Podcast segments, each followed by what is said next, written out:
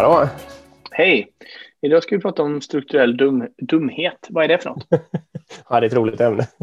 Det finns ju någon slags eh, mekanism på något sätt att människor i en gammal organisation beter sig mycket, mycket dummare än vad de skulle göra liksom, i någon slags privat sammanhang eller vad man ska säga. Och kanske även mm. jämfört med nya organisationer.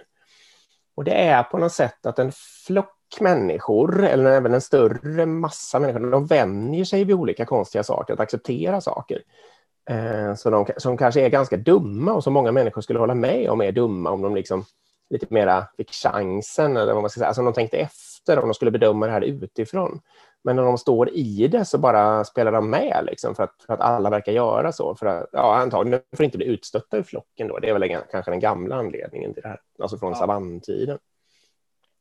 Men eh, typexempel då kan ju vara sånt här, eh, ja, men alltså saker som kommer från en annan tidsera, alltså eh, chefen ska godkänna alla tidkort eller något sånt där. Eh, men liksom även så här att eh, ja, vi har alltid haft protokoll efter de här mötena eller det ska vara en förberedd agenda. Ja, precis. Du sitter och ler här, ser jag. Mm, myser. myser. Men även, alltså, det är viktigt att göra en riskanalys. Det pratade vi om i något annat avsnitt. Eh, det är viktigt att ha en arbetsmiljögrupp.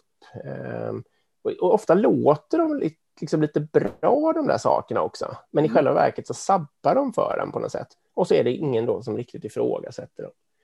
Eh, det är så lite som jag uppfattar strukturell dumhet just.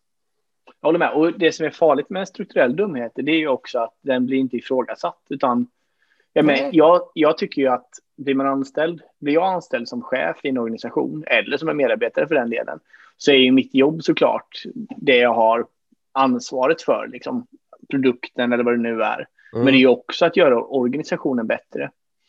Mm. Och då är ju en, en, stor del av mitt arbete att frågasätta dumheter mm. och driva förbättringar, att få allt smidigare, ta bort sådana här mm. dumma saker. Det är väldigt, väldigt många som missar den den delen av sitt jobb. Liksom. Utan istället, precis som du säger, så, så fastnar man i den här strukturella dumheten och så sitter man och bara gör de här sakerna själv. Man förstår inte riktigt varför och sen lär man ut sin efterträdare samma sak bara. Ja. Då måste du godkänna de här sakerna och det är så här det funkar och så här jobbar vi. Liksom. Och alla tittar på dem runt omkring och blir likadant. Liksom. Det beter mm. sig ja, sen, Jag vet inte, när jag tänker efter kanske jag kan känna att det är klart det kan hända. Det är klart att en släktmiddag eller något sånt där som ska organiseras, att den säkert också kan drabbas av en viss strukturell dumhet. Det finns traditioner och sånt. Men min mm. bestämda känsla är ju att det blir värre på jobbet i alla fall. Jag tror också. Många människor går med på mycket mer dumheter på något sätt än vad de skulle göra i någon slags privat sammanhang när de kanske var tvungna att använda sina egna pengar eller sin egen semester eller någonting sånt där. Liksom. Ja, eller sin egna tid på så sätt också. Ja, det är det jag menar. Alltså, om, om det är deras egen tid som de tycker är till för att göra något kul, då skulle de inte slösa den liksom, på strukturell dumhet på, på motsvarande sätt.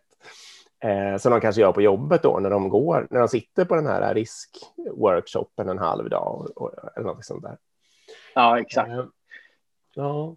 Jag tänker sätta, ja precis, hur, hur gör man då?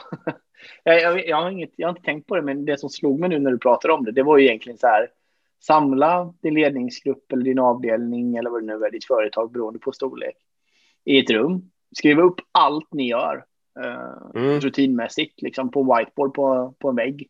Upp och ner bara, liksom. okej, okay, vi godkänner tidrapporter, vi godkänner semestrar, mm. vi sätter lön, vi har utvecklingssamtal, vi har avstämningssamtal och så vidare.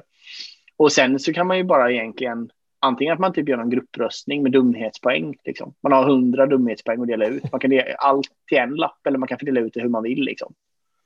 Ja. Um, om alla sen då bara placerar ut det så ska man ju sen få titta då på nummer ett, dumhetsgrejen och frågasätta, borde vi fortsätta med den eller ja. inte? Det skulle kunna vara ett sätt. Nej, bra. Men det förutsätter ju då att, att det finns någon slags buy-in på att det kan, skulle kunna tänkas finnas sådana här grejer i alla fall på något sätt.